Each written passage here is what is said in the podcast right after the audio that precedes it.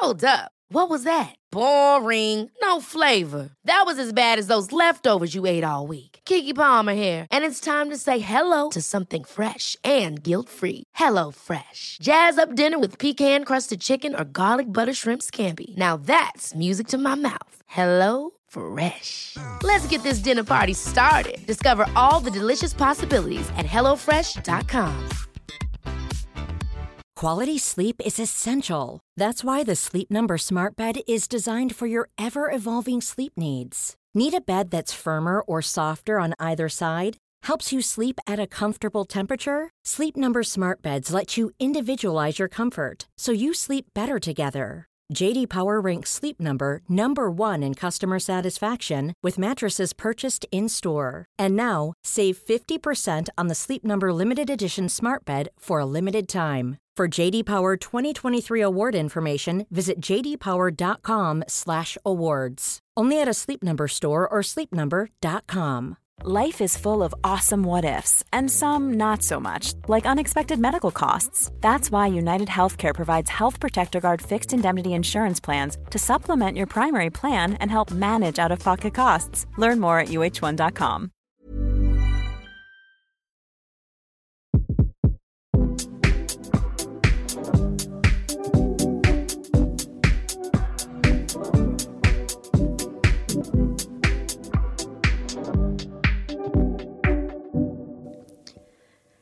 Hallo, dere, og velkommen til en ny episode av Treningspodden. Moro at så mange satte pris på forrige ukes episode om makspuls. Og vi følger opp. Som mange av dere vet, så er det litt ekstra fokus på kondisjonstrening nå i april. Og vi er så heldige å ha med oss Polar på laget. Og altså, i dag har vi en gjest i studio, en representant fra Polar, dere. Og vi skal prøve å bli så kloke som mulig på disse pul pulsklokkene som de fleste av oss har på armen. Så velkommen til deg, Eivind. Tusen takk. tusen takk. Er du, er du stressa, eller er du helt chill? over Hvordan Um, er leget? Jeg har ikke på, jeg, Kanskje jeg burde sjekke pulsen Ja. bare for å se hvor står jeg. Men eh, nei, jeg, jeg har gleda meg. Eh, Det har jeg absolutt hørt gjennom deres podkaster og gleder meg til å møte dere og prate om dette. Ja, dette blir veldig veldig spennende. Så jeg tenker at før vi går i gang Vi har jo fått inn masse spørsmål fra dere som lytter, så vi kommer til å gå ganske rett på sak. Men først så kan jo du dele litt om deg selv, hvorfor akkurat du sitter her, og ja, hvem er du? jo, det er et godt spørsmål. Um, Det er Eivind, og jeg jobber da i Polar. Eh, Det har jeg nå gjort i snart ti år. Jeg begynte på kundeservice, så jeg tror jeg har litt grunnlag for å svare på mye. Og så har jeg jobba med salg i ganske mange år, og nå jobber jeg også med forretningsutvikling. Nå ut til nye markeder og litt mot bedriftsmarkeder og få folk mer i aktivitet, som jeg syns er veldig gøy, og at folk skal forbedre folkehelsa, rett og slett. Eh, Jeg er Hvor gammel er jeg blitt? Jeg blir 35, eh, fra Kristiansand. Eh, Bor i Oslo. Og eh, på privaten, holdt jeg på å si, så liker jeg å trene. Trener en god del, mest utholdenhet. Både løping og langrenn, rulleski. Eh, Toppturer i fjell. Ja, litt sånn allsidig. Eh, Jeg har på en måte Målet med min trening er å være mest mulig aktiv. Jeg deltar ikke så mye på konkurranser, men jeg liker å trene litt hver dag for å eh, ja, rett og slett bare bli bitte grann bedre for hver dag. Jeg har hørt rykter om at du, er, eh, du bor sammen med og er sammen med ei som er eh, hakket mer eh, konkurranseretta enn det du er. Ja, det er helt riktig. Jeg har en kjæreste som eh, Hun har full jobb, men hun går eh, aktivt nå for et eh, Ski Classics-lag. Altså et langløpslag. Så hun har vært innom bitte grann på TV her og der, og hun har fått noen veldig gode plasseringer i år. Så det har vært veldig gøy. I hvert fall med eh, full jobb på si. Mm, hvor er hun fra? Det er fra Drammen. Jeg er fra Drammen. Nydelig. Så det går mye trening for begge to, da, kan jeg tenke. Det eh, gjør det. Veldig, Absolutt. veldig gøy. Og Sist uke så snakka jo Pia og jeg litt om disse klokkene som vi har fått testa ut nå fra Polar, som vi begge to er strålende fornøyd med. Og de aller fleste går jo nå i disse dager rundt med en eller annen eh, klokke på armen som har diverse teknologi, og så er det kanskje litt så som så hvor mye man liksom forstår og tar i bruk den eh, teknologien som man går rundt med. Em, hva tenker du i forhold til hvilken klokke som eh, er lurt å gå for hvis man kun vil ha det helt enkelt i, for, i forhold til det å måle puls? Det er et, et, bra spørsmål. Ehm, det grunnleggende i alle klokker i dag er så å si likt. Eh, den rimeligste klokka måler aktivitet, han måler skritt, han måler søvn og alle de på en måte hverdagslige tingene du trenger. Så om du vil ha det helt enkelt, så trenger du ikke opp i 5000 pluss eh, klokker. Du kan fint holde deg til de aller, aller rimeligste. Ehm, det som begynner å på en måte gjøre at klokker er mer avansert, da kan du kalle det, eller koster litt mer, det er selve materialet i klokka. Eh, det er mer avanserte funksjoner i form av eh, restitusjon og treningsveiledning. Um, og så er det på en måte at du får inn litt mer sånn barometer, du får bedre batteritid. Det er et par sånne ting du legger på, da, men til noen som bare ønsker å komme i gang med pulsklokker i dag, eh, eller aktivitetsklokker, så kan du gå for det helt enkle, og da får du alt du trenger, og han måler like bra aktivitet på den rimeligste som han gjør på den dyreste. Så du trenger ikke å sprenge sparegrisen for for å få deg en klokke i dag. Det er jo veldig fint å vite, for det er jo blitt en jungel der ute. Uh, og da kan vi også understreke at selv om du er fra Polar, Eivind, så har vi bestemt oss for å snakke litt generelt om klokker i dag. Så selv om du ikke har en Polar på armen, så er den episoden her absolutt for deg. Vi ønsker jo å veilede sånn at man ja, rett og slett forstår klokka si bedre, da. Uavhengig av om man da har en litt sånn modell som er litt lavere på pris, eller liksom den som er oppe i toppsjiktet, da. Um, men jeg lurer også på, for de fleste har jo en eller annen duppeditt på hånda, enten det er en treningsklokke eller en mer vanlig klokke. Si liksom f.eks. en Apple Watch. da mm. Har du noen tanker om hva som er den største forskjellen da på ja, f.eks. en mer generell klokke som Apple Watch kontra en ren treningsklokke? Mm. Ja, det det, det, er absolutt, det er, absolutt, en forskjell i det. Um, jeg tenker Det første man ser på da, er jo batteritida. Um, en pulsklokke i dag holder i hverdagsbruk pluss-minus en uke, noen opp til kanskje ti dager to uker. Mens Apple Watch, eller det man kaller smartklokker, holder gjerne én dag, mm, kanskje bitte grann mer enn én en dag. Så du må lade den hver eneste dag. Og folk som er interessert i trening og aktivitet, syns kanskje det er litt styr å måtte lade klokka før du skal ut og trene. Um, men så har du på en måte fordelen igjen da med smartklokker er jo at de har jo vanvittig mange kule gadgets og funksjoner som du også får i en telefon i dag, som vi mangler kanskje litt mer av i pulsklokker. Så der har du et tydelig skille. at Er du interessert i treningsdelen og på en måte gjør flere ting i løpet av uka da, som eh, krever en GPS eller krever mer batteri, eh, så går du på en måte inn i i pulsklokkeverden? Eh, er det at du må ha smartvarslinger? Er det fordi du må gjøre ting med klokka og følge opp? Så er jo kanskje en smartklokke eh, valget for deg. Begge måler puls eh, veldig bra, begge måler aktivitet veldig bra. Men jeg tenker det største argumentet i markedet i dag er batteritid. Det er absolutt det jeg ville valgt den ene eller den andre veien. Mm. Og så er det jo sant, veldig mange ulike funksjoner på disse klokkene som man tar mer eller mindre i bruk. Eh, og i forhold til disse funksjonene så er det jo en fordel at man får et så godt utbytte, så konkret og nøyaktig utbytte som mulig av, av disse funksjonene på klokka. Hvordan eh, anbefaler du at man setter opp en puls eh, eller slash aktivitetsklokke for å få best mulig utbytte av klokka? Um, Tålmodighet er vel eh, stikkordet der. Eh, det er egentlig litt som når du får en ny telefon eller du får noe ny elektronikk, så er det litt sånn kom i gang-prosess. Um, bruk den tida godt, ikke gå rett ut på trening. Han ligger gjerne inne med bitte grann batteri, så det er noen som bare løper rett ut på trening, men da blir du hengende etter på oppsettet og funksjonalitet. Så bruk litt tid hjemme med å komme i gang, skjønn funksjoner, se litt filmer, les litt på nett, så kommer du mye bedre i gang. Jeg vil kanskje nesten begynne å starte litt treningsøkter hjemme før du stikker ut, bare som en test. Ok, Når jeg trykker på start, hva skjer på klokka da? Hvordan vises det? Hva må gjøres? For det, Vi hører om folk som ikke går inn i dette, og de står og banner og steiker. For det, liksom, de, de, får ikke til klokka når de først skal ut og trene. Og da begynner du jo på en måte i oppoverbakke da, med en gang, og det er jo ikke noe man, noe man ønsker. så Sett deg ordentlig inn i det. Legg inn riktig innstilling. Han trenger høyde, alder, vekt, kjønn, eh, pulssoner, eh, makspuls hvis du vet det. Legg inn alt dette, for alle eh, algoritmer og alle funksjoner som skal gi deg tilbakemeldinger, trenger denne informasjonen. Og Hvis ikke han får det, så, ja, så begynner man på en måte på litt på sida, og det, det, er kjedelig. For da blir ikke veiledninga riktig, rett og slett. Ikke sant, Så for å komme i gang best mulig med en pulsklokke, så handler det om å nummer én svare på de spørsmålene som stilles. Når du setter den opp, så får ja. du gjerne en del spørsmål. Eh, er det noen andre verdier som du går inn og endrer på som man ikke spør om innledningsvis? F.eks. du nevnte makspuls. Uh, det er jeg litt usikker på om jeg ble spurt om når jeg satte opp klokka mi, for det er jo så lenge siden. Jeg har jo brukt den så lenge. Ja. Eh, du har muligheten i begynnelsen til å legge det inn òg, men han bruker den formelen som dere har snakka om før, 220 minus alder. Det er den som ligger inne hvis du ikke gjør noe annet enn det. Uh, og det er jo i og for seg greit, for noen funker det veldig bra, sånn som dere nevnte. For noen bommer han ganske godt. Og da blir det på en måte litt sånn en følgefeil, da. Uh, så, men den er jo på en måte noe man må, som dere gjorde, teste etter hvert. Uh, eller burde teste etter hvert. men for å teste den, så burde man også ha et treningsgrunnlag. Så, så liksom, det er vanskelig å gjøre det eksakt riktige fra dag én. Så i klokka, selv om hvis jeg har en for lav makspuls og har f.eks. en intervalløkt der jeg kommer over den pulsen, så endrer ikke makspulsen seg på klokka. Da må jeg fysisk gå inn og endre den verdien. Da vil han endre den til den du har oppnådd. Den vil det, ja. ja. ja? Så det er jo fint å vite, da. Og da, vi tok jo en makspulstest, men ofte hvis man pusher seg, pusher seg selv ganske hardt etter hvert, så, så, vil jo da også klokka følge med. Så det er liksom del to av det å få en god opplevelse med en pulsklokke når du har lagt inn alle verdiene. Bruke god tid på å la klokka bli kjent med deg, sånn at den funker best mulig for deg og din kropp. Mm.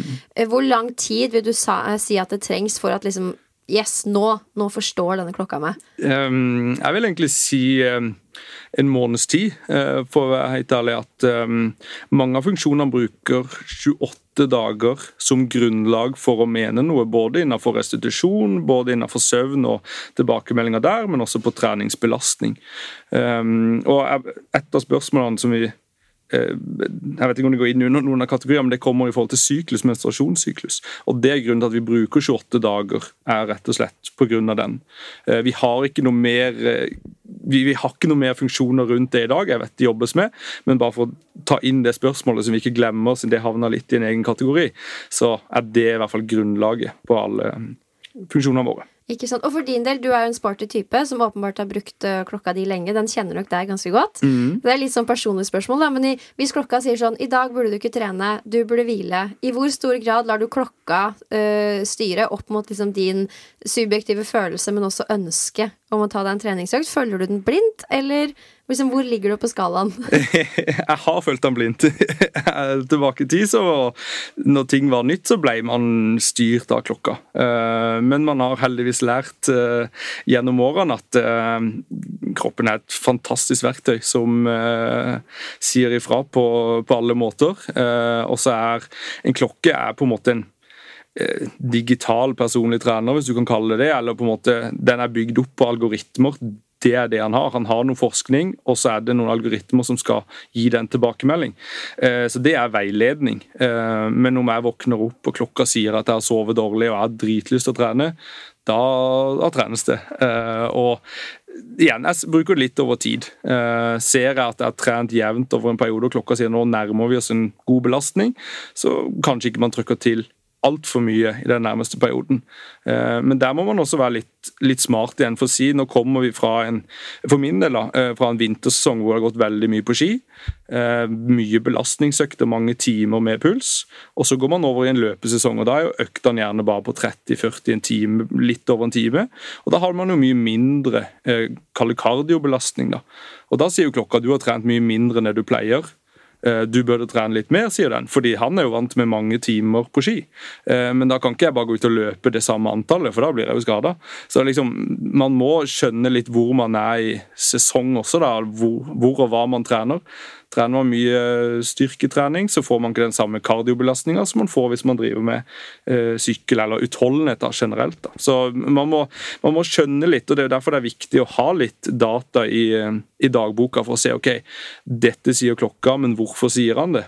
Ok, Jeg går inn og ser at jeg var på en topptur som tok åtte timer. Det er jo masse belastning. Den vil jo slå ut i en 28-dagersperiode. fordi når den da hopper på dag 29, så slår jo pendelen helt ut andre veien, fordi han mister en, en veldig stor økt, da, kan du kalle det. Ja, også, men så er det jo også sånn at du kan ha gått lange skiturer med liksom jevnt, lavt tempo, og så går du over til en løpeøkt som er steinhard og tar deg helt ut. Du kjenner deg most, men klokka sier at du trenger mer belastning fordi den er vant til mye mer. Yep. Så det er her det skjønnet, skjønnet kommer inn. Ja, her må man rett og slett bare bruke litt sunn fornuft. Ja. Eh, og så var det da, Du nevnte det så vidt, dette her med styrketrening. Det har vi jo fått spørsmål om. Mange er jo opptatt av å logge all aktivitet. Det Mm. vil man jo for at disse verdiene skal bli riktig. Men eh, det kan jeg også kjenne meg selv igjen i. Man gjennomfører en styrkeøkt, tar seg ganske sånn hardt ut, går som en sånn tinnsoldat på veien ut, men klokka er sånn du kan trene mye mer i dag. Eh, hvordan funker algoritmen rundt det å logge styrketrening? Eh, både underveis, men også med tanke på restitusjonen etterpå. Mm. Eh, Det klokka gir tilbakemelding på, det er eh, kardiobelastning. Eh, Så da tar han bare hvilken puls du har hatt i løpet av den treningsøkta. På en styrkeøkt så er den mest sannsynlig ganske lav. Eh, Og da er det det han tar som grunnlag. Så han har ikke muskulær belastning eller noen andre faktorer å kunne ta inn i eh, tilbakemeldinga, så det er kun basert på det kardiovaskulære eller eh, systemet, det, som det heter, eller noe rundt det. Så, så mm, styrketrening inn i en pulsklokke er vanskelig, men igjen, det jeg vil si er viktig med det, eller sånn jeg tenker Det handler litt om å være konsekvent. da. Enten så registrerer du all styrketrening, for å ha det med. Og jeg tenker jo, jeg gjør det selv fordi jeg vil ha det inn i dagboka. Sånn at når uka har gått, når måneden, året har gått, så kan jeg se jeg har trent så og så mange timer styrke, jeg har trent så og så mange timer løping. Jeg har så og så mange treningstimer i året. Og igjen, da, hvis du bruker det enda lenger over tid, så får du jo se hva gjorde jeg i fjor, eller hva gjorde jeg forrige måned, som jeg gjorde bedre eller eventuelt dårligere nå. Så du kan se en utvikling, og det tenker jeg er det viktigste. i det. Så én styrkeøkt gir deg ikke en god kardiotilbakemelding, eh, men sett over tid så er det greit å ha det lagra, syns jeg, da, for å kunne se på det. Ja, så Vi er jo fortsatt der at klokkene våre de måler hovedsakelig altså kondisjons- og hjerteaktivitet også på riktig. styrketrening, så da blir det litt feil, feilaktig. Ja. Men vi, har jo, vi skal komme litt mer inn på HRV etter hvert også. Mm. Det er jo veldig i vinden, og det er jo skjedd mye med teknologien når det kommer til å måle HRV. Mm. Og litt sånn som du nevnte, jo mer jålete klokker du har, eh, i større grad er de i stand til å måle totalbelastninga og si noe om restitusjonen din. Eh, tror du at det også etter hvert kan påvirke klokkas evne til å si noe om belastninga fra styrketrening? For jeg vil jo tro at selv om det ikke påvirker hjertet så mye der og da, så skjer det jo noe Altså det skjer jo en restitusjons- og repareringsprosess i kroppen i etterkant av en styrkeøkt. Så der vil det vel kanskje melde seg litt mer, om ikke det er sånn nå, så kanskje på sikt? Ja, absolutt. Jeg, jeg tror jo absolutt alle jobber med å knekke styrketreningskoden i restitusjonsdelen. Eh, Og så syns jeg du absolutt er inne på noe ved Du har mye Nå, du har søvnanalyse, du har mye ting som kan fange opp hva som skjer gjennom dagen. Og der kan man jo absolutt se, tipper jeg da, et utslag fra en styrketrening. Både på søvnkvalitet og på restitusjon i det muskulære systemet. Mm. Vi har én test som kan måles eh, på styrketrening. Det er en hoppetest, f.eks. Men det er jo kun basert på beina og på en måte hvor eksplosiv du er i muskulaturen. Eh, som igjen vil slå ut hvis du driver med kardiotrening eller løping, da, f.eks. Så mm, nei, jeg håper og tror at eh, man kommer inn eh, bedre i styrketreningsverden med restitusjon etter hvert. Det jobbes med, det vet jeg. Og så litt tilbake til det du nevnte i forhold til liksom det med å logge aktivitet og logge økter. Hva, hva man logger og ikke logger. Altså jeg tenker sånn som du nevnte, en åtte timers uh, topptur. Eller hvis man er si en, eh, en søndagstur i, i, i marka. På en måte tre-fire timers tur. Du går og går, men det er nødvendigvis ikke en treningsøkt. Logger man det? Ja.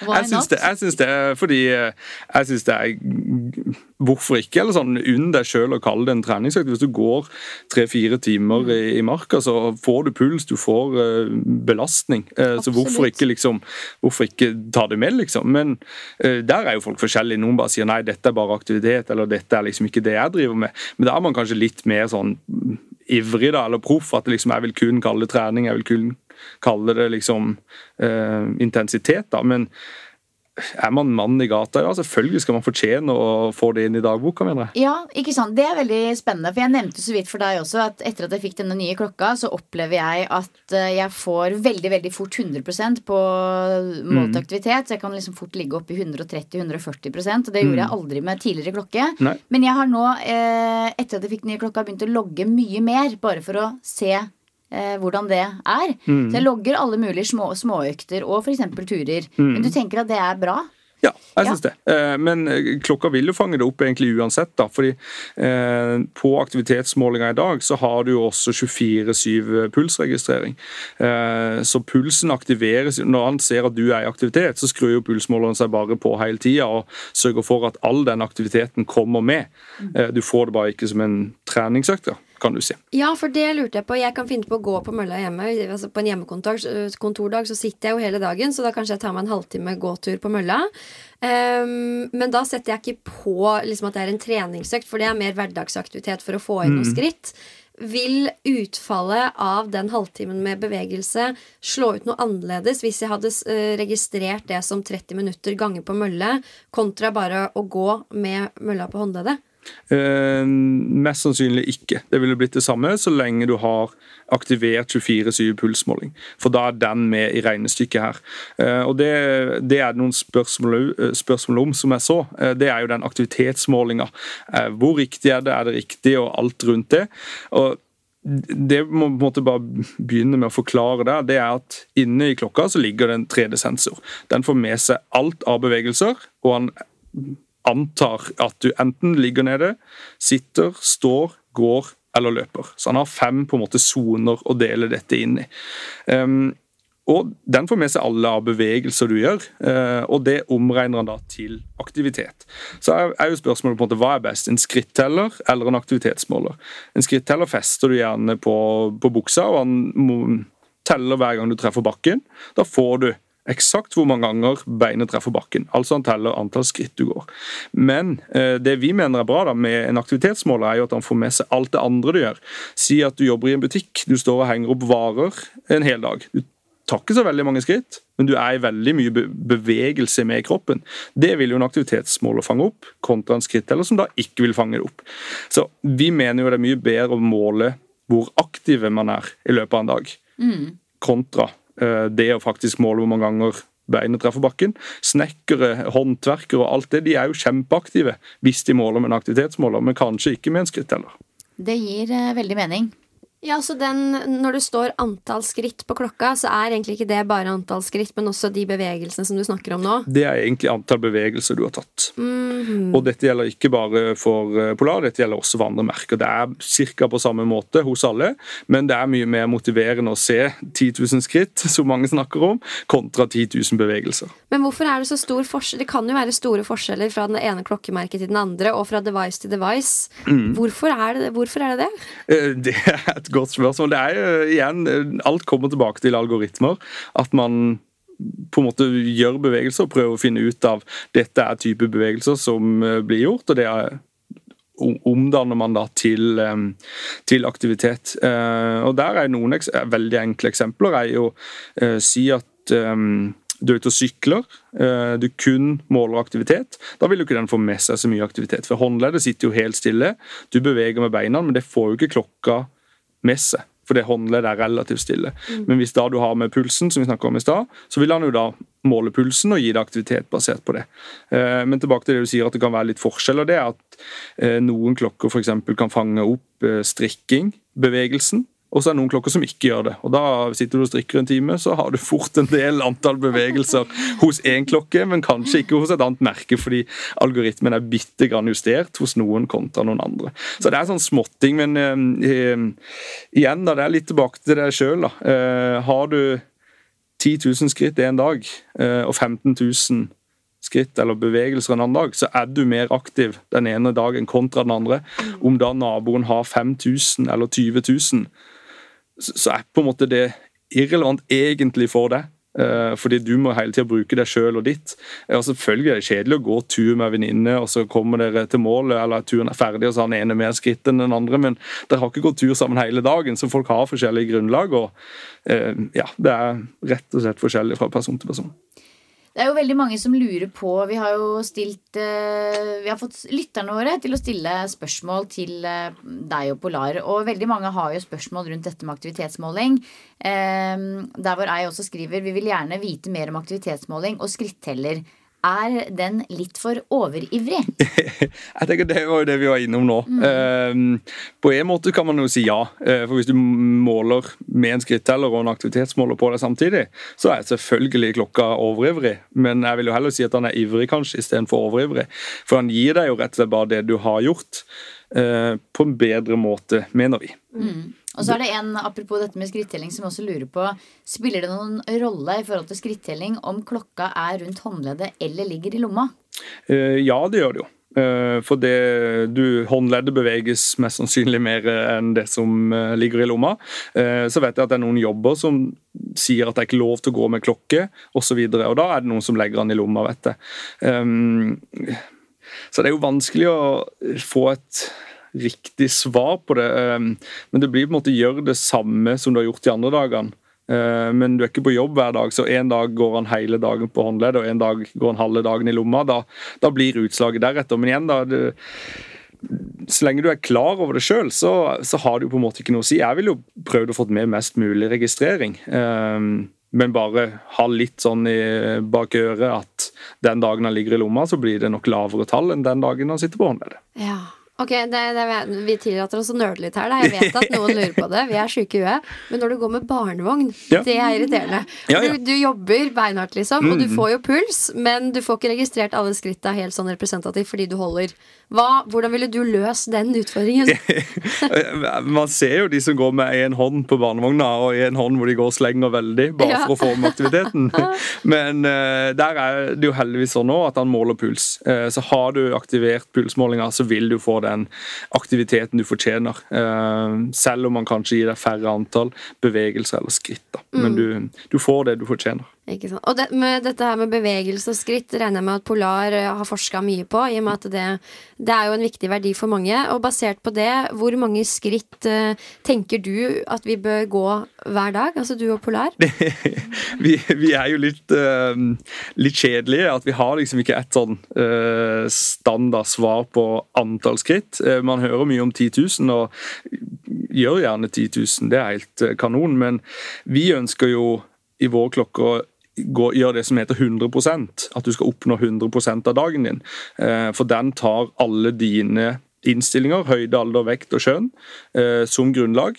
Og så spør han deg når du setter opp klokka, hvor aktiv er du i løpet av en dag? Hva er din vanlige dag? Sitter du mye, eller har du en aktiv jobb osv.? Og, så og alt dette, sammen med hva Verdens helseorganisasjon anbefaler, så får du et et krav da, som er 100 eh, Så alle vi hadde jo fått forskjellige krav på hva som er 100% fordi vi har forskjellige innstillinger. Så da, så lenge du klarer 100% hver dag, det mener vi i Polar er absolutt det beste. Eh, og En dag så vil det være et visst antall skritt, og det kan endres til dagen etter fordi han bruker pulsmålinger i tillegg.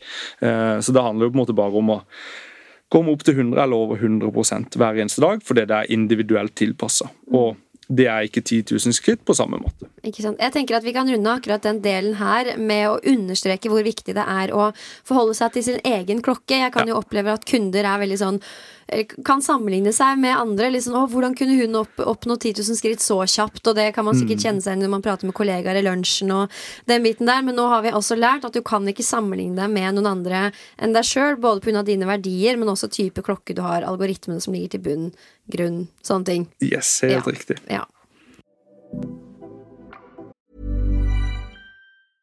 Imagine the softest sheets you've ever felt. Now imagine them getting even softer over time. That's what you'll feel with Bowl and Branch's organic cotton sheets. In a recent customer survey, 96% replied that Bowl and Branch sheets get softer with every wash. Start getting your best night's sleep in these sheets that get softer and softer for years to come. Try their sheets with a 30-night guarantee. Plus, get 15% off your first order at bowlandbranch.com. Code BUTTERY. Exclusions apply. See site for details.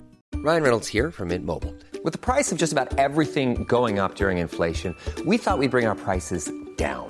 So to help us, we brought in a reverse auctioneer, which is apparently a thing. Mint Mobile unlimited premium wireless. Ready to get 30, 30, bit to get 30, bit to get 20, 20, 20, bit to get 20, 20, bit to get 15, 15, 15, 15 just 15 bucks a month. So, Give it a try at mintmobile.com/switch. slash $45 up front for 3 months plus taxes and fees. Promo for new customers for limited time. Unlimited more than 40 gigabytes per month slows. Full terms at mintmobile.com. Hold up. What was that? Boring. No flavor. That was as bad as those leftovers you ate all week. Kiki Palmer here, and it's time to say hello to something fresh and guilt-free. Hello Fresh. Jazz up dinner with pecan-crusted chicken or garlic butter shrimp scampi. Now that's music to my mouth. Hello Fresh. Let's get this dinner party started. Discover all the delicious possibilities at hellofresh.com.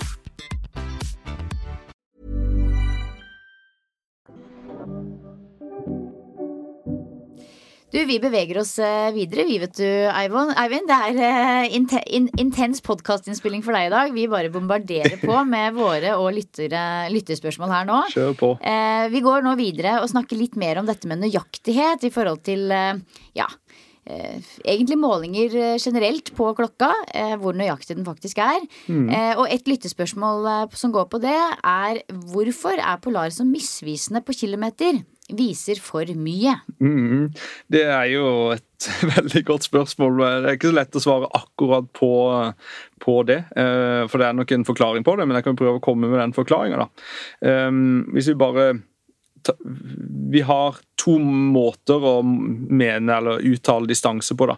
Det ene er det vi snakka om i stad, med aktivitet. Eh, Han tar jo antall skritt og em, omregner det til en viss distanse. Eh, Så hvis du går en tur på fem kilometer, som du vet er fem kilometer, men du starter ikke en treningsøkt, du går kun på aktiviteten, så tar han jo bare antall skritt og estimerer hvor lang den distansen er. Så der kan man absolutt bomme. Eh, Men han bommer like mye hver gang, da kan du si, på distanse på aktivitetsmåling. Det er jo den ene tingen, men eh, det som kanskje jeg snakker om her, det er jo kanskje under trening, når man kjører med GPS. Um, GPS-en ligger inne i klokka, og når du da skal starte en treningsøkt, så setter du den på en måte i sånn førtreningsmodus, kaller vi det. Da søker han etter satellitter, eh, og når et visst antall satellitter har funnet det, eller vet hvor du står, så viser det grønt på klokka. En liten ring med grønt. Og den må være grønn for å vite hvor du starter. Hvis den ikke er blitt grønn, så kan det være han bommer på startpunktet ditt. Og Hvis da du løper i en retning, og han tror du starter et annet sted, så begynner jo du på en måte på litt eh, feil premisser, kan du si da. Altså Du begynner feil sted, og da blir det en følgefeil, at distansen rett og slett kan bli feil. Um, samme også hvis du um, løper i, eh, gjennom en tunnel, f.eks. Da kan satellitter dette ut, eh, og da, så fort du er ute av tunnelen, så finner han deg igjen. Eh, Men han estimerer jo bare en distanse, eller bare tar vekk en distanse imellom der. Så personen, eller personen, holdt jeg på å si, satellitten vet ikke hvor lang den tunnelen er, eh, og derfor kan det også bomme på distanse der. At han um, blir enten for ivrig, eller uh, ikke gir deg det du fortjener. Er det sånn GPS fungerer? At det, det er en ting inni klokka, og så bare mottar den masse signaler fra satellitter rundt omkring i himmelen? Hvert Og så sier han sånn 'her er jeg nå'? mm, hvert sekund så tar han hvor du er, og så lager han et uh, Det er så sjukt! Lager det på et kart for det. Er det, er det sånn, Visste du det, Silje? Nei. Jeg visste ikke det heller. Altså, den, den verden vi lever i, er jo helt vill. ja. Så da kan vi liksom se for oss masse sånn laserstreker som går Mm. ut i masse satellitter. Litt sånn Star Wars, egentlig. Men hvor er de satellittene? Nei, de er jo på himmelen, da. Det, Hvem er det som har satt de der? Nei, det, det er jo Går det dette finnes- utover ditt fagområde? Nei, Ja, nei, men eh, Det finnes jo forskjellige systemer. på en måte eh, GPS er vel lurer på om det er det amerikanske systemet, og så har Russland et annet et, og så har Storbritannia et. Så du kan jo i klokkene bytte fra GPS til et system som heter GLONASS. okay. uh, og så videre til jeg lurer på om det er et som heter Galilei, eller noe sånt. Ja, Det er flere systemer, da. Uh, og så er det mm, Det er jo på en måte oppå supermodellene, da, hvor du kan bytte mellom disse, fordi noen har en bedre nøyaktighet eh, nord i på jordkloden, og noen er bedre på en måte sentralt på jordkloden. Så det er, Men nå er vi jo nede i nerde- og detaljnivået. Men Altså, eh, forhold deg til. GPS, at han finner hvor du er, og det holder i massevis. Og han finner ut av hvor du har beveget deg, og gir deg da fart og distanse. Altså, dere vet de som driver med sånne konspirasjonsteorier sånn, som egentlig er klin gærne? De har rett. Vi blir overvåka. Ja, ja. Så det har vi gjort veldig lenge. ja, vi blir så veldig overvåka òg. Hva er egentlig ditt mission her i dag, Nei, det vil eh, ikke vite. Eh, og så er det en som lurer på, når man er med på løp Silje, du løper jo litt innimellom, og det, det, jeg kan jo forstå at man spør om dette her. Kan det Bluetooth-signalet bli forstyrra når man deltar i disse løpene med f.eks. 1000, 1000 andre? Eh, nei, egentlig ikke. Ehm, Det er det som egentlig er så bra med Bluetooth så langt det har kommet i dag, at det låser seg til en enhet, og det er til din klokke. Når du har satt disse opp sammen én gang, så er det alltid din enhet han vil finne. Og han vil ikke finne de andre, med mindre du fjerner han og eventuelt lar han søke til noen andre. Um, men og det er jo på en måte teori, teori, det teoretiske i det. I praksis så, så, så har det jo selvfølgelig skjedd, men det er på en måte Vi har ikke noen god forklaring på hvorfor det kan, men du kan fint få puls til din klokke midt i et eh, startfelt med mange tusen andre. Mm. men, eh, Og det samme gjelder jo på GPS-en òg. Den skal jo da finne deg blant alle de andre som også skal få tak i disse satellittene samtidig. Så et lite sånn tips da, hvis man skal løpe et løp, det er jo mm, før man går inn i dette startfeltet med alle de tusen andre, så setter han i førtreningsmodus, sånn at eh, satellittene er klare og pulsen er kobla opp på det, før du går bort til alt og alle andre, for da er du, eh, da er du safe. Men man ser de som står og vifter med klokka opp i været fordi de skal finne satellitter og sånn, og det er tre sekunder til start. De syns jeg litt synd på, altså, for Ja. det er litt styr.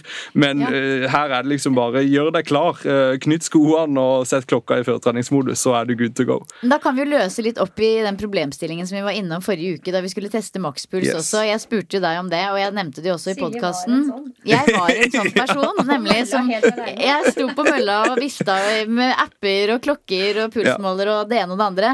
Nei, For det som ikke hørte sist, episode, eh, sist ukes episode, så tok vi makspuls, og da skulle jeg eh, Da hadde jeg fått alt på stell, hadde, hadde på måleren eh, pulsbeltet mitt på klokka, men så fant jeg jo da ut i oppvarminga mi at jeg også skulle teste og koble opp mot eh, Polar Flow-appen på samme tid.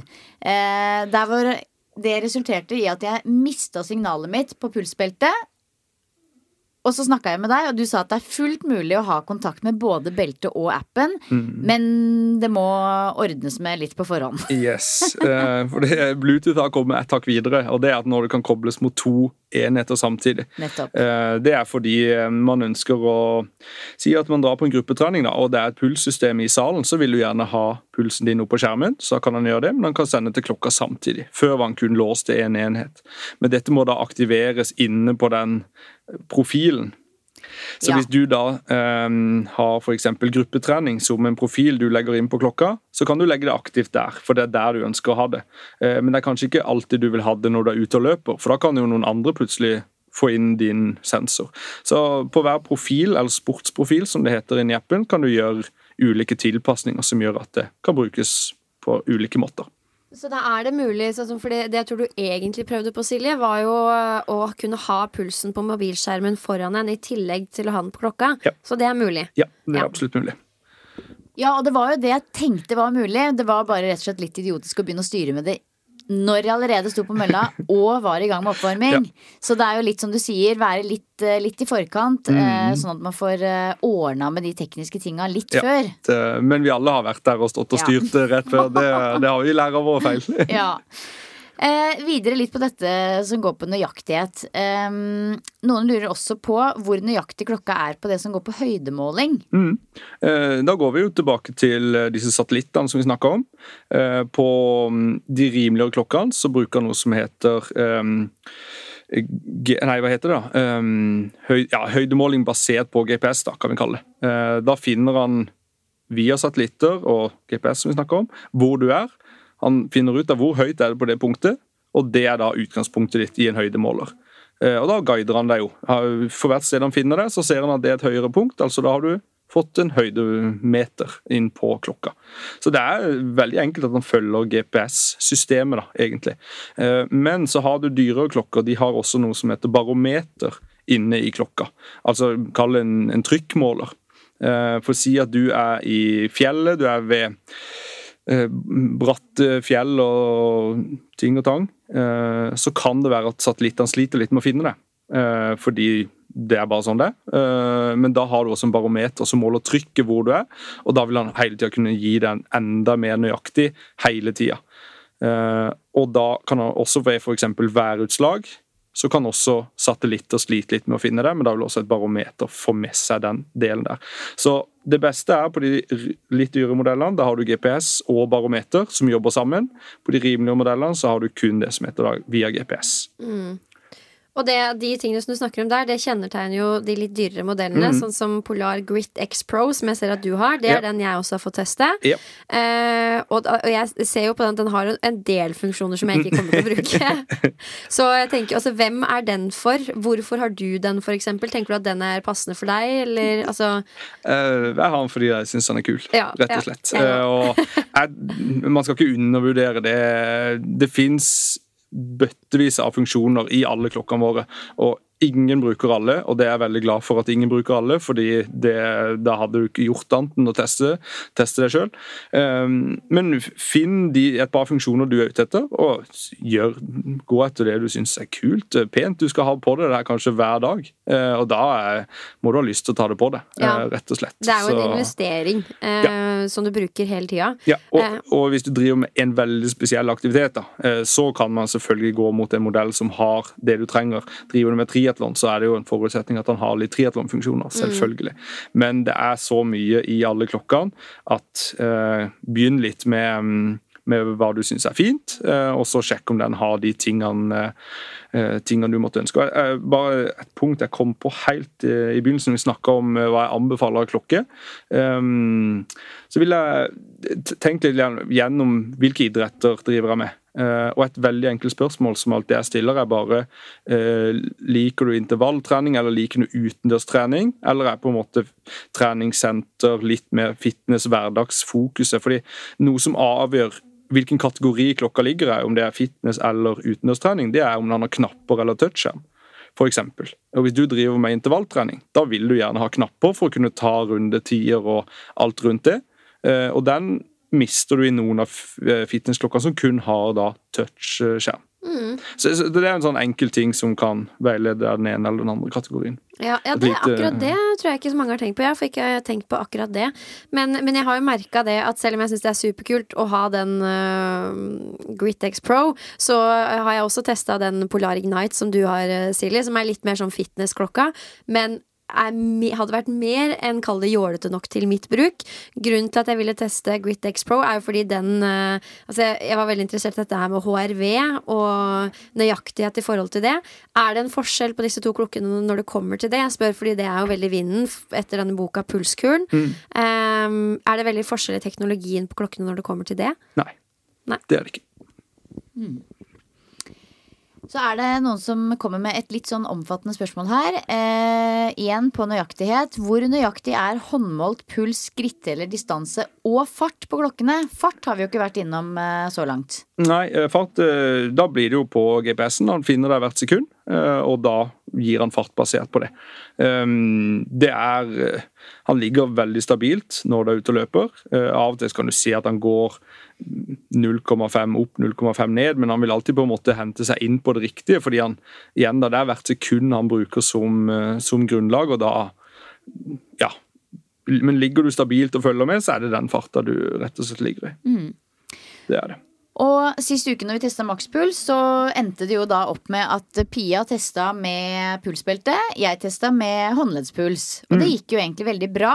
Men uh, hva tenker du i forhold til uh, dette med nøyaktighet her? Kan man stole på håndleddspulsen og sonene på klokka? Ja, jeg vil jo si ja og nei, kan du si da. Um, Vi sier at til hverdagsbruk så er håndleddspuls helt genialt. Han måler pulsen hele tida, og han gjør det med en veldig god nøyaktighet. Um, Og så er det jo selvfølgelig utfordringer knytta til dette. Um, Så må man jo da sette ut om man syns det er bra nok i forhold til enkelheten med å alltid få det. Så til hverdags så jeg tenker jeg der er det benkers, liksom uansett. Du kan ikke gå rundt med et pulsbelte 24-7. Det er det ingen som, som vil eller burde. Um, så kommer man jo da til treningsdelen av det. Uh, og der er det noen utfordringer vi gjerne vil uh, gå inn på. Um, det er hvor godt klokka sitter på hånda. Du har en, for mange en liten sånn kul uh, langt ned mot håndleddet. Han bør ligge på oppsida av den, og gjerne trekke den litt oppover når du da skal trene, fordi han får mindre forstyrrelser. Uh, forstyrrelser her kan være um, jo, hvis vi går helt tilbake der, hvis du tenker at Pulsbeltet det sitter rundt brystet og måler si det veldig enkelt, hjertefrekvensen. Den fanger det veldig fort og sender det rett til klokka.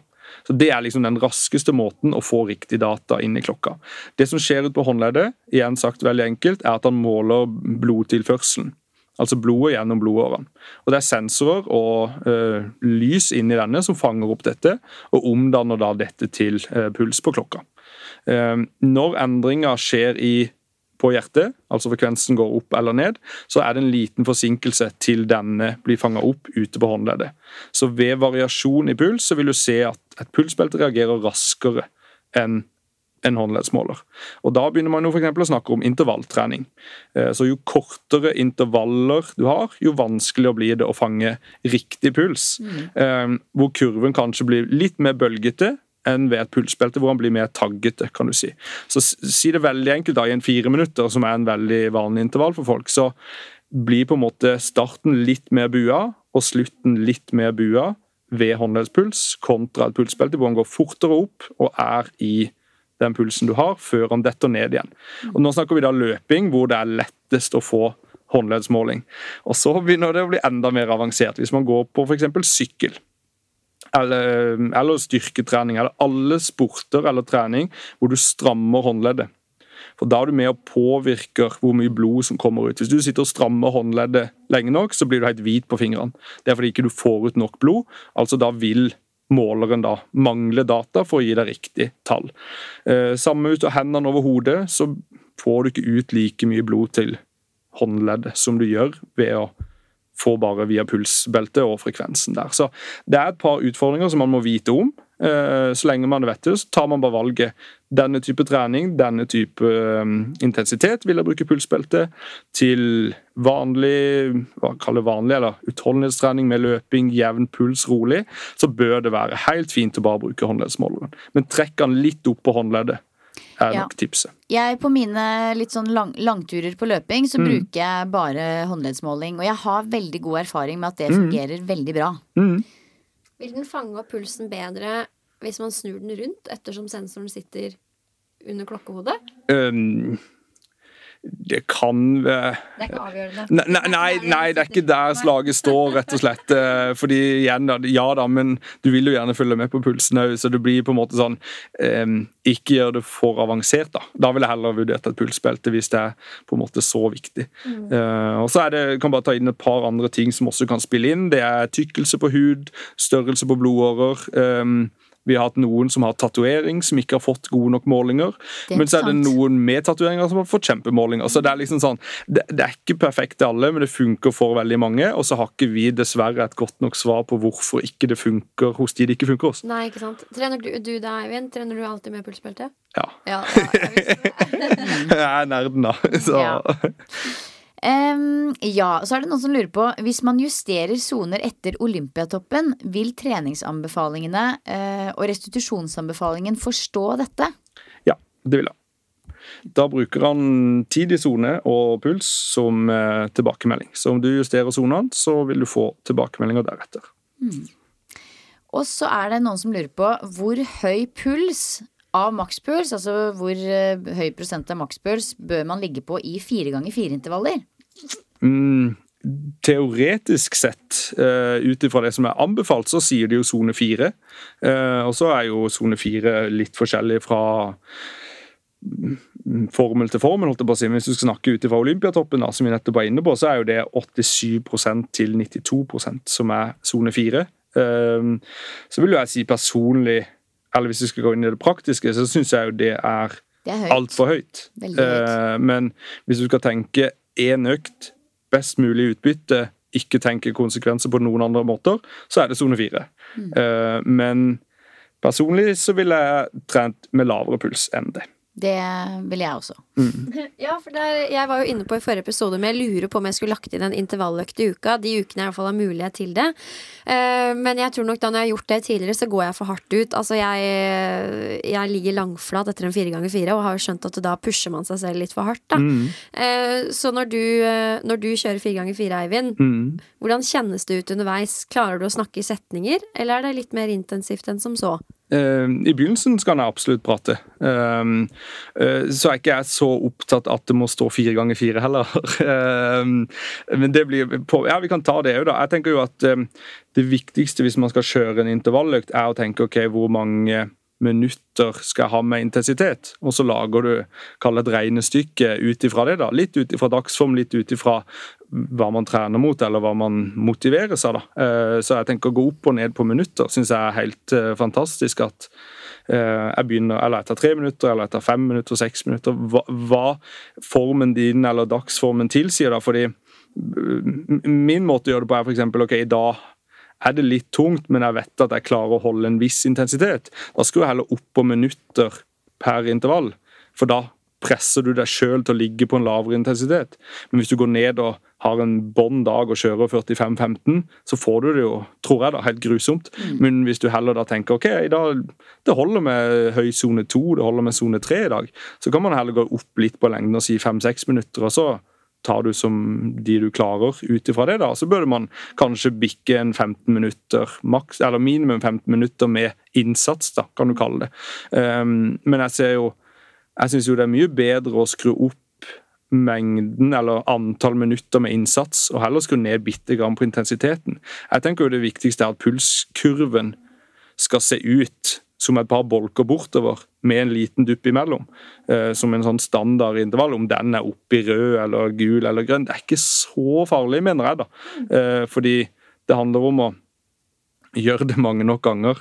Eh, og måten, i hvert fall jeg da, kan gjøre det mange nok ganger, er ved å gjøre det på en måte som er um, komfortabel minus, hvis du kan kalle det det. da, Ikke bikke over til at bare det her er det, det verste jeg noen gang har gjort. da. Eh, et veldig sånn enkelt eh, tips fra min side er jo tenk litt som når du har vært gjennom sikkerhetskontrollen på Gardermoen, og du kommer til den der smilefjes-greia. Spørsmålet er har du lyst til å gjøre dette igjen. Trykker du ja eller nei der? Så tenker jeg det er litt sånn indikasjon på om økta har vært ikke bra eller dårlig, men på en måte du burde trykke på ja. da, Dette er noe jeg har lyst til å gjøre igjen. Mm. Trykker du på nei, så har du kanskje kjørt litt for hardt. da. Åh, dette her elska jeg. elska dette. Note to. Ah, fy søren. Det er så gode tips. Eh, både dette du nevner med å eh, På dager hvor man kjenner at eh, nå er jeg litt sliten. Gjør om på intervallene. Det må ikke være akkurat det det står svart på hvitt i boka. Så lenge du kommer deg ut og gjør din greie, kjempebra. Og det skal friste til gjentakelse. Det mm. er det aller viktigste prinsippet for å komme tilbake og gjøre det igjen. Mm. Og lykkes med kontinuitet, kontinuitet på trening. Mm. Ja, altså, og, også i forhold til å få bedre form over tid. Det, nå er vi inne på liksom autoregulering, og det gjelder jo innenfor både styrketrening og kondisjonstrening. At du tilpasser treninga til kroppen og dagsformen, og ikke tvinger deg gjennom noe som ikke er riktig der og da. Enten vi snakker om syklus eller bare generell form, total belastning. At vi er flinke til å lytte til kroppen, da. Og der opplever jeg at klokkene kan være en hjelper. Det er ofte jeg har en plan, en treningsøkt på agendaen, og så sier klokka at du er virkelig sliten. Det gjør det litt lettere for meg å lytte til den delen av meg som vet at jeg er litt sliten sliten. Og når du får litt sånn bekreftelse fra klokka på det, så er det litt lettere å ja, kanskje ta det litt rolig, da. Det, kan, du, kan, du, kjenne deg litt ja, ja, absolutt. Er, jeg tenker puls eh, i dette i denne forbindelsen er jo et kjempeverktøy. I det du um, Hvis du på en måte skal kjenne litt, da begynn bare å gå på mølla i en viss hastighet. Følg med litt på pulsen. Ser han ut vanlig? Er han litt høyere? Er han litt, uh, litt roligere enn vanlig? Skru det opp litt, begynn å jogge rolig hvordan slår det ut? Eh, begynn på den vanlige oppvarminga. Hvordan slår det ut? Du får hele tida bekreftelser eller ikke på om liksom, dette går i riktig retning eller ikke. Av og til er det bare at du har mye eh, styr og stell som henger igjen fra jobben, og av og til blåses det ut gjennom en oppvarming.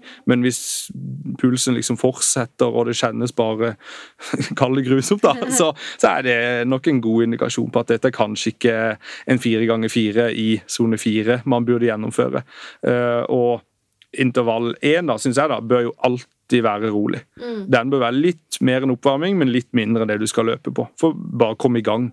verste som skjer, er at du må løpe en intervall på slutten, og du får et par ekstra minutter med intensitet. Da. Det er ikke krise. Ja, for uh, når du er på mølla i gang med oppvarming, og du liksom merker at noe er off, hvordan gir det utslag på pulsen?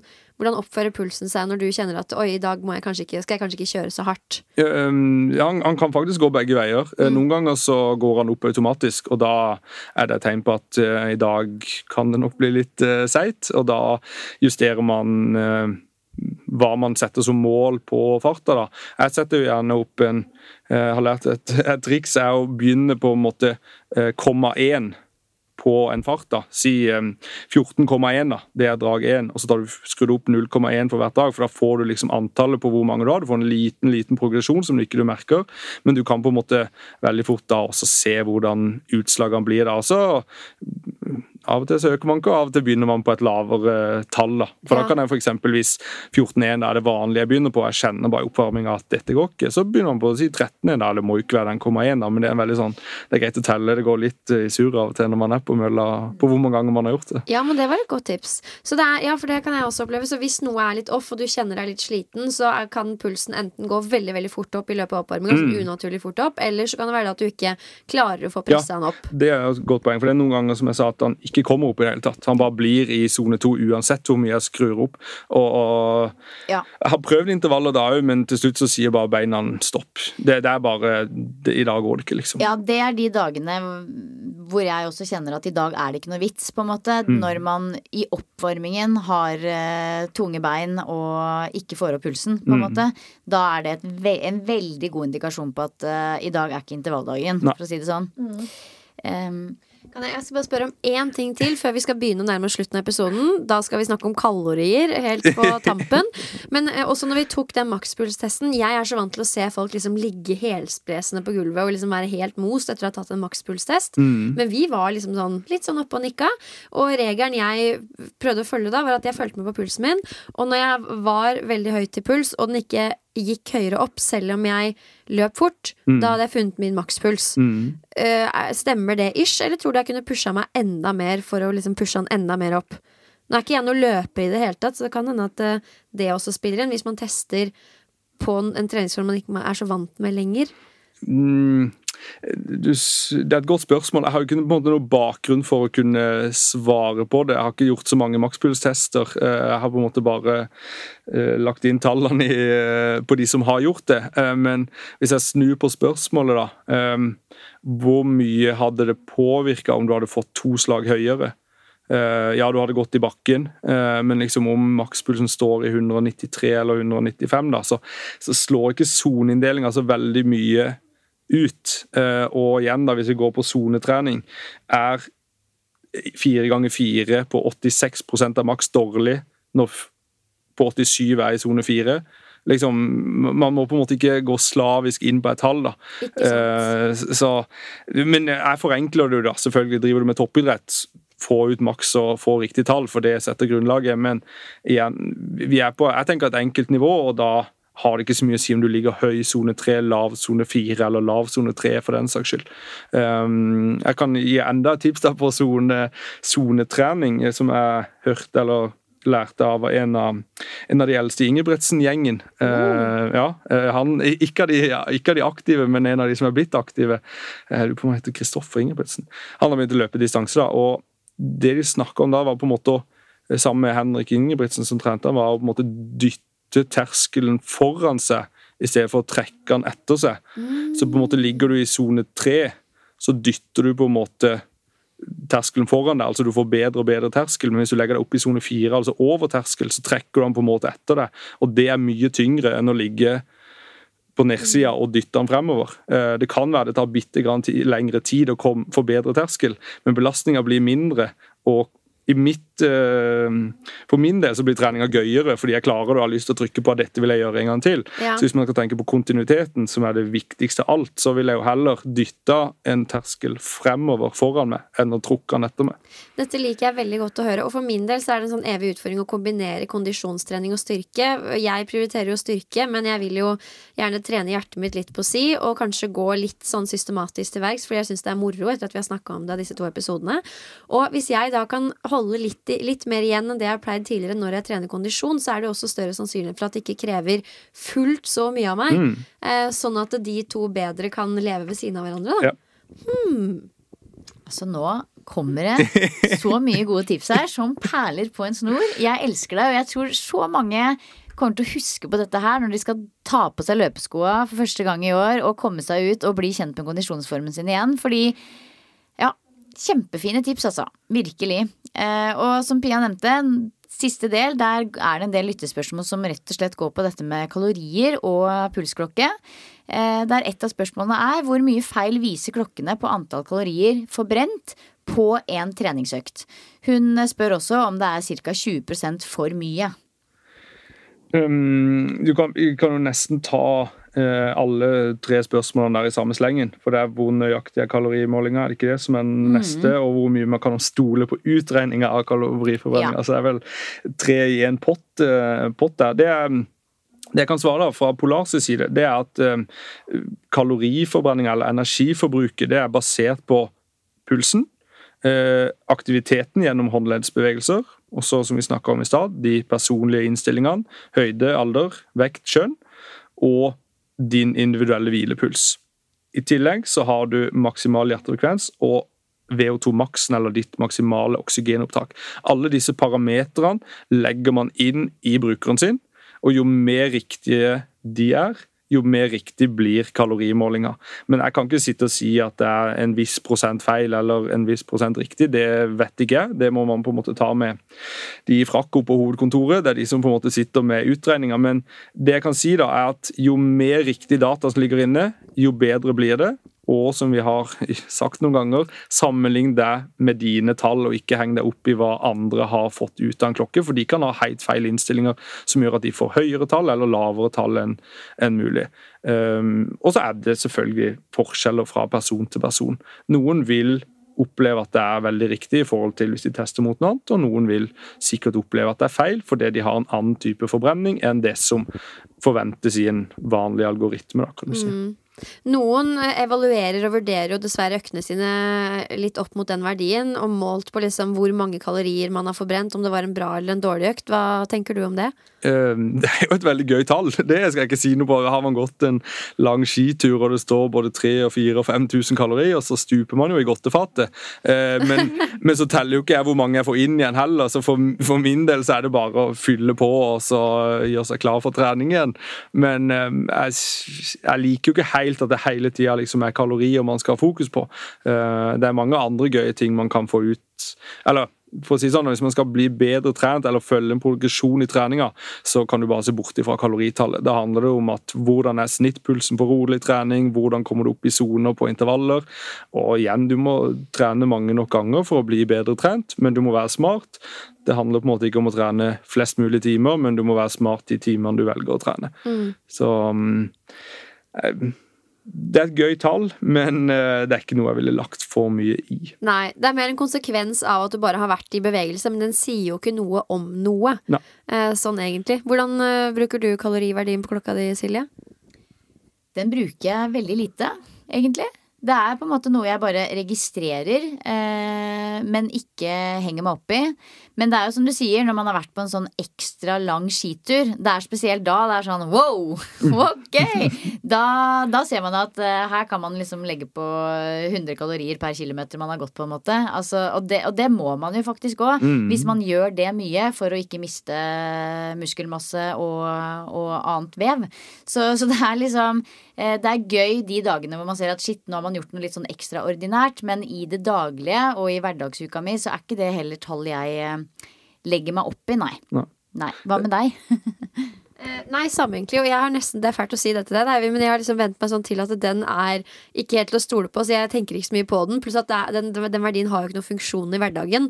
Eh, mye viktigere å tenke at du skal bruke trening, både styrketrening og kondisjon, til å bygge en større motor, sånn at det, du bruker mye energi hele dagen igjennom, da.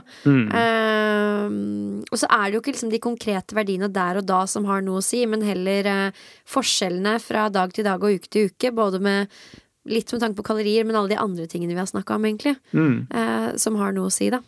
Jeg kan skyte inn en ting der som man får spørsmål om når det kommer til denne delen, og det er jo eh, kalorimåling i hverdagsaktiviteten.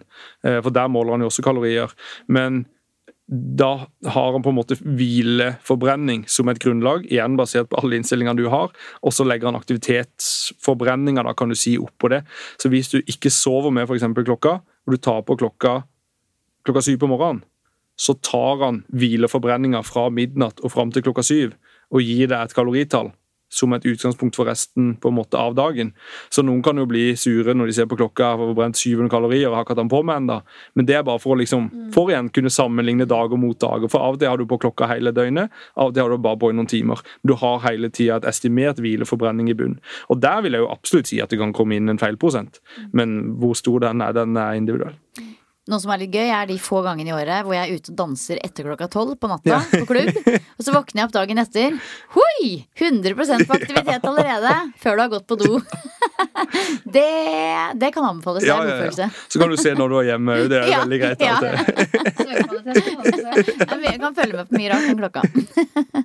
Man blir jo litt sånn kokkeli munke, og det snakka vi om når vi hadde han Torkil Fære på besøk. Han har jo da skrevet Pulsturen. Eh, Du er sikkert eh, godt Ja, kjent da med den. med han, Ja, du prater med han. Eh, Det kan jo ta over litt av livet ens så. Altså, Mm.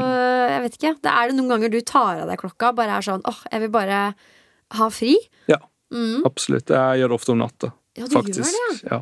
Det er sikkert litt å banne i kirka og si det at ikke man alltid sover, man. Eh, eh, jeg kan bli påvirka av det han sier, og da tenker jeg jeg er heldigvis, eller heldigvis har ikke noe med saken. Jeg er i en situasjon hvor jeg kan sove ganske godt. Jeg, på, jeg får mye hvile og jeg får trent bra, og da eh, kjenner jeg det ganske godt hvordan det ser ut når man våkner. Men i en annen situasjon hvor man gjerne har eh, kids og litt ting som spiller inn, at det er greit å få litt sånn Hva har, eh, hva har kroppen henta seg inn på? Da skjønner jeg det kjempegodt, men jeg kan jeg sover åtte-ni timer hver natt og får trent når det passer meg, så da Det funker veldig bra for meg, og da har jeg ikke noe behov for å få at en liten sånn stikk i sida at i dag bør du kanskje ikke trene så bra. Så er det bare sånn Jo, men jeg har lyst til det i dag, og da gjør jeg det. Så det eller ikke klokka styrer meg, for å si det på den måten. Nei, ikke sant. Og det, man skal ha med seg huet litt, da, også med tanke på hvis man er ute en kveld, drikker litt vin, er seint oppe, og da skal man ikke ha på seg klokka og henge seg opp i dårlig Nei. søvnkvalitet, på en måte.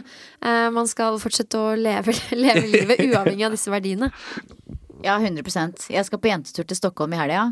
Kommer ikke til å ha på meg klokke da, vet du. Den legger jeg hjemme. Den legger jeg hjemme. Man har med til pynt, da, siden han er så fin. Ja, det er faktisk et godt poeng, Bare tømmer han for er batteri, og så var Ja. han på det. Ja, for Kan vi bare snakke litt om det? Liksom, eh, pulsklokke, det å bruke, Jeg har en annen fin klokke som egentlig er sånn finklokka mi. Men det er bare noe at hvis jeg tar av meg pulsklokka, så føler jeg at jeg liksom legger bort litt av identiteten min. Og jeg er sånn selv, om, jeg, om jeg så har på meg bunad, liksom, så vil jeg ha på meg pulsklokka mi. Ja, og vi er jo glad selvfølgelig at det er sånn har det i dag, fordi det er gøy å følge med på, og det er greit å ha som et grunnlag for videre. og vi, Jeg syns det er dødskult at det er blitt kulere klokker. Før var de firkanta og hylte at jeg trener. Ja, men det, Eh, Jeg likte litt det, og de firkanta polarklokkene. Det var sånn, Da var det ikke noe tvil, Nei, liksom. nei, nei. Vi heldigvis kommer lenger at det ser litt bedre ut nå. Ja, virkelig. Men det er litt sånn når jeg ser folk ser rundt meg i et lokal, og noen har på seg liksom godklokka. Da er jeg sånn plunk, plunk. Jeg ser jo på håndleddet alle går forbi. Det er bare for å se hvilken klokka du hvilken ja, klokka du. Det, man er blitt uh, skada eller forma av å være i bransjen.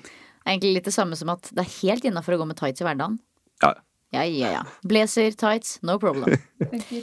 Du, helt, helt eh, til slutt her, så er det også et spørsmål som går på dette med syklus. Eh, Når kommer Polar på banen med tanke på registrering av syklus og sammenheng med trening? Um, jeg nevnte det bitte grann i stad. Uh, jeg håper jo virkelig at vi kommer på banen. Uh, jeg har hørt fra hovedkontoret at det er noe som jobbes med, men om det er i morgen eller nyttår, det vet vi ikke. Det eneste jeg vet som på en måte skal være med altså, som kan brukes som et lite verktøy, det er jo at det er fire uker som alltid brukes som en basislinje i restitusjon og trening. og måte Alle tilbakemeldinger du får fra våre funksjoner, har ofte en fire ukers eller 28 dagers eh, eh, baselinje. Og Det er på en måte det nærmeste vi har i dag. Det er ikke perfekt, langt ifra, men det er det eneste som kan trekkes inn i den sammenhengen. Mm. spennende. Hm. Det er, eh, det er nok eh, det, i, i, I sammenheng med økt fokus på dette med syklus og trening, så er det sikkert eh, noe som kommer til å bli tatt godt imot. Ja, og det håper jeg jobber med å få til ganske snart. Mm. Så bra. Da føler i hvert fall jeg at jeg har blitt langt klokere på pulsklokka mi, og hvordan jeg kan bruke den best mulig i treningshverdagen min. Fortsette med det, men samtidig ha litt lave skuldre i forhold til det, og ja, bruke det som en god digital PT, rett og slett. Mm. Som skal få lov til å ta seg litt fri innimellom. Ja. Nydelig. Da er det på tide å si tusen hjertelig takk til deg, Eivind. Takk for at du kom. Bare hyggelig. Var det, var det, det var ikke skummelt? Nei, det var kjempegøy. Nei? Du har fått kjørt snakketøyet nå? Ja, absolutt. Veldig bra. Det liker jeg. Det er gøy å prate. Altså Det var veldig gøy, for når du kom inn her, så var du så veldig ydmyk i forhold til at jeg er en eh, ikke sant, eh, polar, eh, polar- og klokkeperson, fagperson. Ikke nødvendigvis en treningsfagperson. Men altså noen av de beste tipsene du har kommet med her i dag, som traff meg midt i hjertet, det er egentlig det som går på kondisjonstrening. Så tusen takk for både klokketips og, og treningstips. Takk i like måte.